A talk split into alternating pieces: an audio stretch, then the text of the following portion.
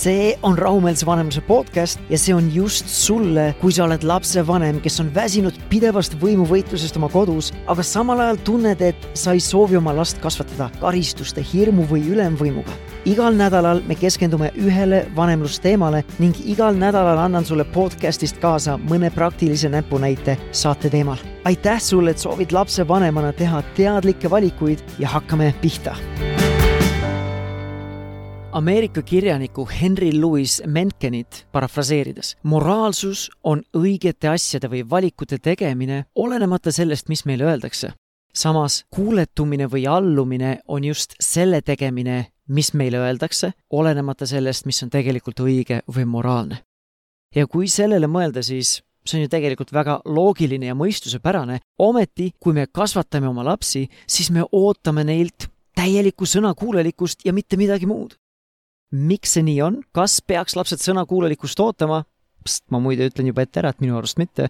ja mida me siis selle asemel tegema peaksime, nendest teemadest räägimegi tänases podcastis.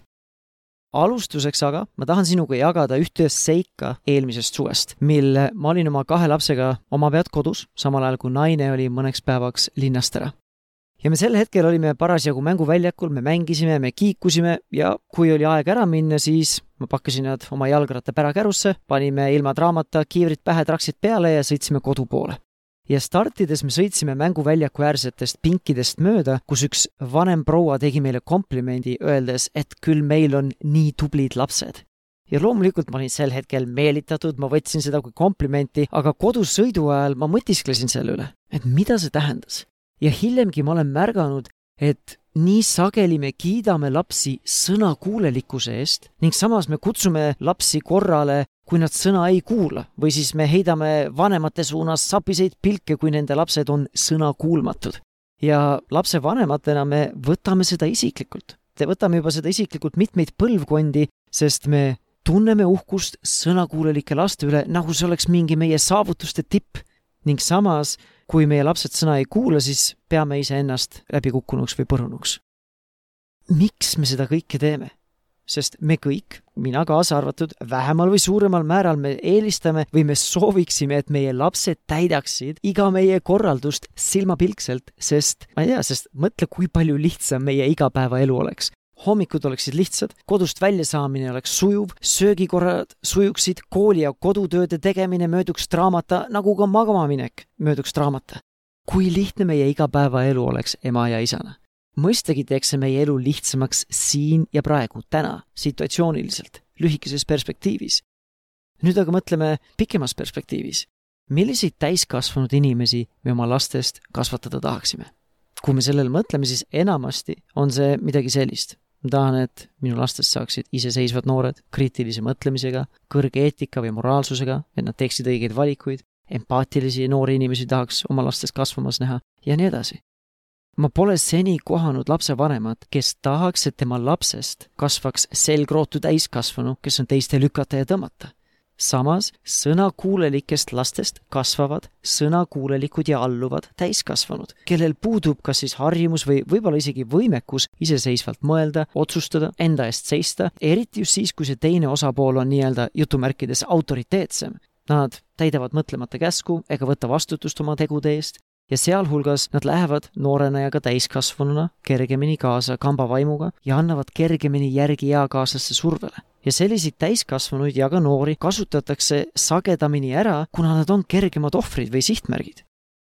mina tütre isana, ma ei taha, et minu tütart keegi ära kasutaks, sest ta ei julge enda eest seista.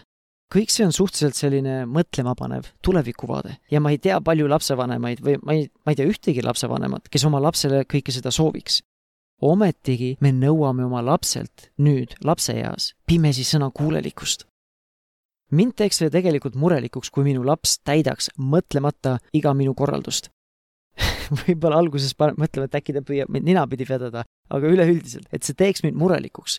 aga samas ma annan endale ka aru, et loomulikult ma ei taha minna ka täiesti teise äärmusesse ja premeerida sõnakuulmatust või isegi mässumeelsust.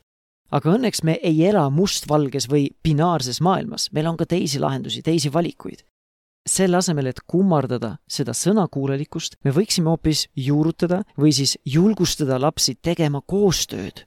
ehk siis see, mis on lihtne, kerge ja mugav siin ja praegu, ei pruugi olla ilmtingimata kõige parem pikemas perspektiivis ja ka vastupidi, see, mis on pikemas perspektiivis võib-olla õige või tervislik või hea või kasulik, ei pruugi täna siin ja praegu, nendes konkreetsetes situatsioonides, milles me igapäevaselt oma lapsega ennast leiame, ei pruugi olla see kõige lihtsam. Aga selline see elukord on, tuleb teha valikuid ja mõnikord võib-olla need valikud ei ole lihtsad. Ja seetõttu ma julgustangi alati, kui ma lapsevanematega räägin, mõtlema ja kaaluma, kas sõnakuulelikkus on tegelikult see, mida me tegelikult soovime ja otsime või see on lihtsalt meie autopiloot. ja sellest vastusest lähtuvalt korrigeerima ka enda ootusi oma lapsele ja vajadusel korrigeerima ka oma vanemlikke lähenemisi ja nüüd, kui ma olen sind saanud sellel teemal vähemalt mõtisklema, siis äh, räägime nüüd podcasti teises pooles neljast põhjusest, miks vahepeal lapsed meie sõna ei kuula. lihtsalt mõista lapse käitumist ja seejärel lõpetuseks neljast lähenemisest, mida siis selle sõnakuulelikkuse nõudmise asemel pigem rakendada. esiteks räägime lapse käitumisest. neli põhjust, miks nad siis meie nuppe vajutavad. see ei ole lõplik nimekiri, neid põhjuseid võib veelgi olla, aga siin on neli, mida ma täna tahaksin välja tuua esimene põhjus on see, et võib-olla sinu ja lapse vaheline suhe või kontakt ei ole praegu kõige parem. võib-olla on see suhe, on see, mis on puudulik praegu, aga mõnikord ka lihtsalt kontakt, näiteks laps on ülestimuleeritud, jookseb nagu hullumeelne seal mängumaal ringi ja sinu sõnum ei jõua temani. teine põhjus, vahepeal võivad lapse ressursid olla otsakorral, ehk siis tema vajadused on rahuldamata ja võib-olla ka pikka aega ning ta lihtsalt ei ole võimeline tegema paremaid valikuid selles olukorras mäletate seda Snickersi lööklauset, sa oled tiiva, kui sa oled näljane ja see on tõene ka laste puhul. olgu ta näljane, olgu ta väsinud, olgu tal võib-olla üliigav, et ta on alastimuleeritud ja nii edasi. kolmas põhjus lapse käitumise taga võib olla see, et vahepeal ei olegi tegelikult lapses asi, vaid meie ootustes. et minu ootused lapsele ei ole realistlikud või eakohased. või äh, meie ise ei ole lapsele õpetanud paremini käituma, et ma ootan temalt suuremaid oskusi või paremaid oskusi, kui ma tegelikult olen talle ise õpetanud. ja neljas põhjus on see, et piiride testimine ja piiride kompamine käib lapse arenguga kaasas. see on arenguliselt väga tervislik nähe ja käitumine, kuna see on üks õppimise osa. laps õpibki sellega, mis need piirid on, mis on okei okay,, mis ei ole ja nii edasi. ehk siis, kui sinu laps vahepeal testib piire, siis ta ei ole mässumeelne, vaid ta lihtsalt on laps. ja boonuseks kui lapsel on sinuga turvaline kiindumussuhe, siis sellegipärast võib laps rohkem neid piire testida, sest ta tunneb end ka piire testides turvaliselt ja ta siis õpib ja testib ja katsetab rohkem. ja nüüd siis lõpetuseks räägime neljast lähenemisest, mida rakendada, et tõsta lapse koostöö kas valmidust või siis altisust. ja esimene lähenemine on lihtsalt olla lapse jaoks olemas.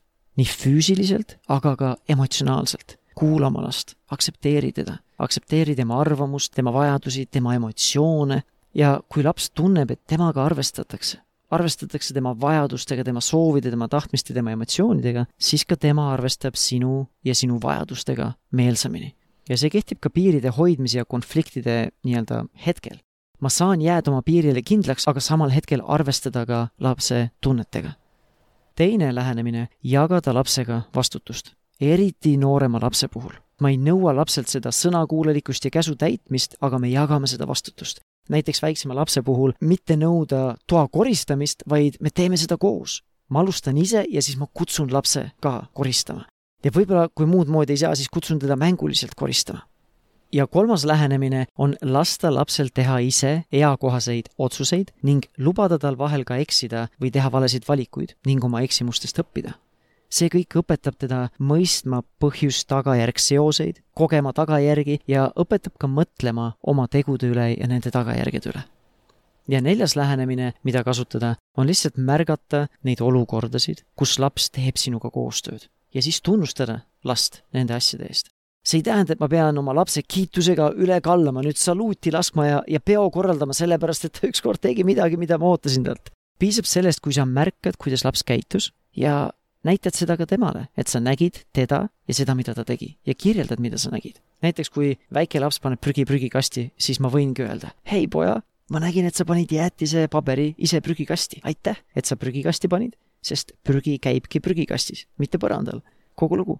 või kui näiteks vanem laps, kooliealine või eelteismeline või teismeline viib iseseisvalt prügi välja, kui ma olin äh, näiteks tööl päeval, siis ma võingi koju jõudes öelda, poja, ma nägin, et sa oled täna prügi välja visanud. aitäh, sest prügikast hakkaski just täis saama. see tegi minu elu lihtsamaks või mis iganes sina tunned, et on sul hingel, mida sa tahad temaga jagada. hea on olla oma tagasisidega spetsiifiline, mitte lihtsalt hei, tubli poiss, hea laps, hea poiss, tubli poiss, tubli laps, tubli tüdruk ja nii edasi ehk siis ole lapse jaoks olemas, panusta teievahelisse suhtesse ja kontakti, jaga lapsega vastutust ja paku lapsele võimalusi eakohaseid otsuseid ja valikuid langetada ning oma vigadest õppida. Ning lõpuks märka lapse edusamme sellel teekonnal.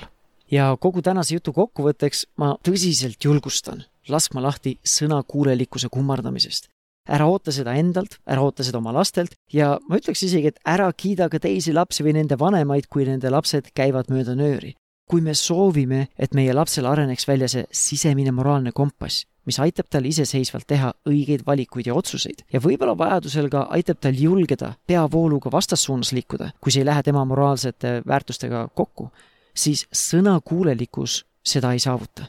nagu ma ütlesin, sõnakuulelikest lastest kasvavad, alluvad ja teistest sõltuvad täiskasvanud ja nagu ma päris alguses jagasin sinuga, siis moraalsus on õigete asjade tegemine või õigete valikute tegemine, olenemata sellest, mis meile öeldakse. Ja kuuletumine ja allumine on selle tegemine, mida meile öeldakse, olenemata sellest, mis on tegelikult õige või moraalne ja et seda me ju tegelikult tahamegi oma lastest. me tahame, et meie laps või nooruk teeks õigeid valikuid ka siis, kui meie parasjagu üle õla teda ei kontrolli seega luba lapsel kahelda autoriteedis, sealhulgal ka sinus, luba tal küsitleda või küsida, miks ta peab üht või teist asja tegema. see kõik käib õppimise juurde, isegi kui see on vahepeal tüütu.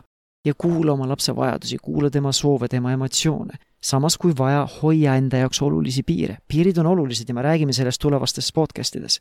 aga me saame seda samaaegselt teha. ma saan hoida enda jaoks olulist piiri ja olla oma lapsele emotsionaalselt kättesaadav ja kui me kõike seda suudame enamus ajast teha, mitte sada protsenti kordadest, siis meie laps saab ka aru sellest, kui meil vahepeal tõesti on tõsi taga ja meil ei ole aega seletada või ei ole lihtsalt võimekust. meil on liiga kiire või me oleme lihtsalt liiga väsinud ja stressis. ta saab sellest aru, sest enamasti arvestatakse temaga.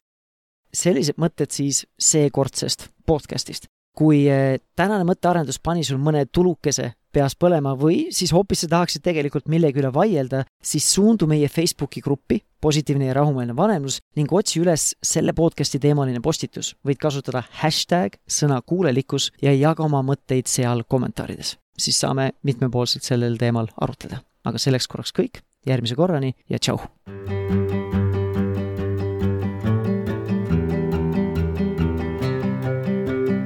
oot-oot-oot, enne kui ma sul minna lasen, ma tahan sind tänada selle eest, et sa oled lapsevanem, kes püüab ja soovib areneda. isegi kui su laps seda praegu ei hinda, siis mina väärtustan seda, mida sa teed, nii et aitäh sulle. ja kui tänane podcast läks sulle korda, siis suurim kompliment, mida sa mulle teha saad, on soovitada seda podcasti vähemalt ühele oma tuttavale. tänutäheks ma tahan sinuga jagada ühte oma lemmikraamatu kokkuvõtet nagu sina ja mina teame, pereelu on vahepeal nii kiire, et ei jõua kõiki neid häid raamatuid kaanest kaaneni lugeda. ja just sellepärast ma olen kokku pannud ühe enda arust parima vanemlusraamatu Lapse ajukeskne kasvatus lühikokkuvõte ja ma tahan seda sinuga jagada. sa leiad selle lühikokkuvõtte veebist taneljappinen.com kaldkriips kingitus ja lõpetuseks ma tahan sulle meelde tuletada, et me keegi ei ole täiuslik lapsevanem ja see polegi oluline täiuslikkus ei tohiks kunagi olla mõõdupuu või isegi eesmärk. oluline on, et sa liiguksid samm-sammult paremuse ja rahumeelsuse poole. nii et edu sulle sellel teekonnal ja järgmise korrani, tšau!